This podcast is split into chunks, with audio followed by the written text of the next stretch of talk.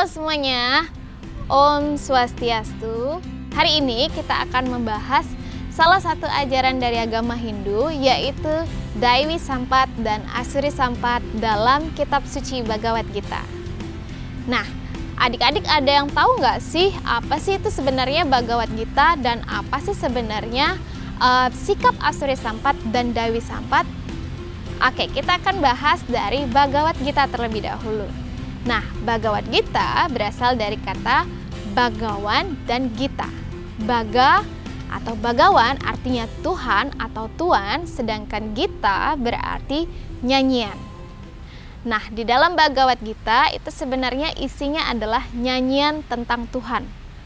Nyanyian yang mengagungkan tentang keagungan daripada Tuhan. Kemudian apa sih kaitannya dengan Daiwi Sampat dan Asuri Sampat? Nah, dalam kitab suci Bhagavad Gita ada dua sifat manusia yang selalu ada dalam diri manusia. Yang pertama adalah Daiwi Sampat. Daiwi Sampat berasal dari kata Daiwi, Dev atau yang berarti dengan dewa.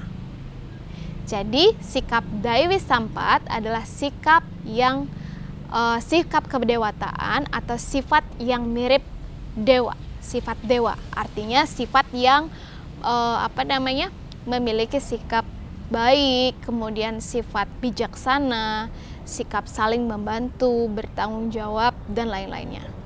Nah bahkan dalam kitab suci di, uh, dalam kitab suci Bhagavad Gita pada Adhyaya 16 sloka 3 dijelaskan bahwa sikap Dewi Sampat yaitu uh, sikap saling tolong menolong, kemudian sikap saling membantu, bijaksana, cemerlang, dan masih banyak lainnya yang menunjukkan bahwa sikap-sikap baik. Nah, ditunjukkan dengan perilakunya bagaimana? Perilakunya adalah dalam kehidupan sehari-hari dia selalu saling menolong sesama, kemudian dia selalu bertanggung jawab ketika diberikan um, pekerjaan atau diberikan tugas Kemudian dia juga selalu membantu orang yang tidak mampu, bukan hanya orang saja tetapi juga orang-orang um, lain yang membutuhkan pertolongan. Kemudian uh, bagian yang kedua tadi adalah sikap yang selalu ada, uh, yang selalu menyelimuti diri manusia adalah sikap asuri sampat, yaitu sikap yang menunjukkan sikap tidak baik yang mewakili sikap keraksasaan atau sifat raksasa jadi dalam Bhagavad Gita dijelaskan pada Adhyaya uh, 16 loka 4 dijelaskan bahwa sikap uh, Asuri Sampat yaitu suka mencela, kemudian tidak bertanggung jawab, selalu iri hati, sombong dan ingin menang sendiri. Kemudian uh, sikap yang ditunjukkan dari sikap Asuri Sampat ini misalkan dia yang selalu ingin menang sendiri, kemudian dia ingin uh, apa namanya menguasai semua yang ada. Artinya dia tidak ingin mengalah dengan orang-orang lainnya. Kemudian dia selalu menunjukkan sikap sombong terhadap apa yang dia miliki. Nah itu adalah sifat-sifat yang mewakili dari sikap Asuri Sampat. Nah dua sifat ini selalu ada dalam diri manusia. Artinya semuanya selalu berada berdampingan dan apa sebenarnya tujuan kita hidup di sini?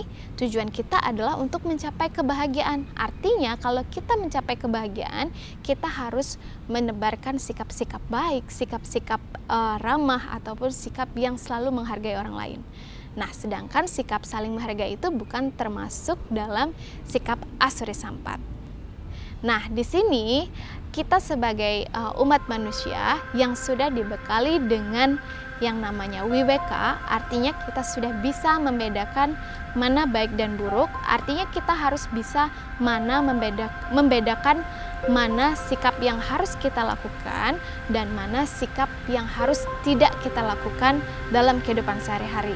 Ingat tujuan kita hidup adalah untuk mencapai kebahagiaan jadi ketika kita ingin bahagia maka tebarkanlah sifat-sifat atau sikap yang bisa membahagiakan orang lain juga jadi anak-anak, ketika kita sudah memahami tentang ajaran asli Sampat dan Dewi Sampat, kita harus bisa bijak dalam bersikap. Artinya sikap baik sudah kita ketahui dan sikap buruk sudah kita ketahui juga. Jadi kita harus selalu uh, mengamalkan perbuatan-perbuatan baik dalam kehidupan sehari-hari.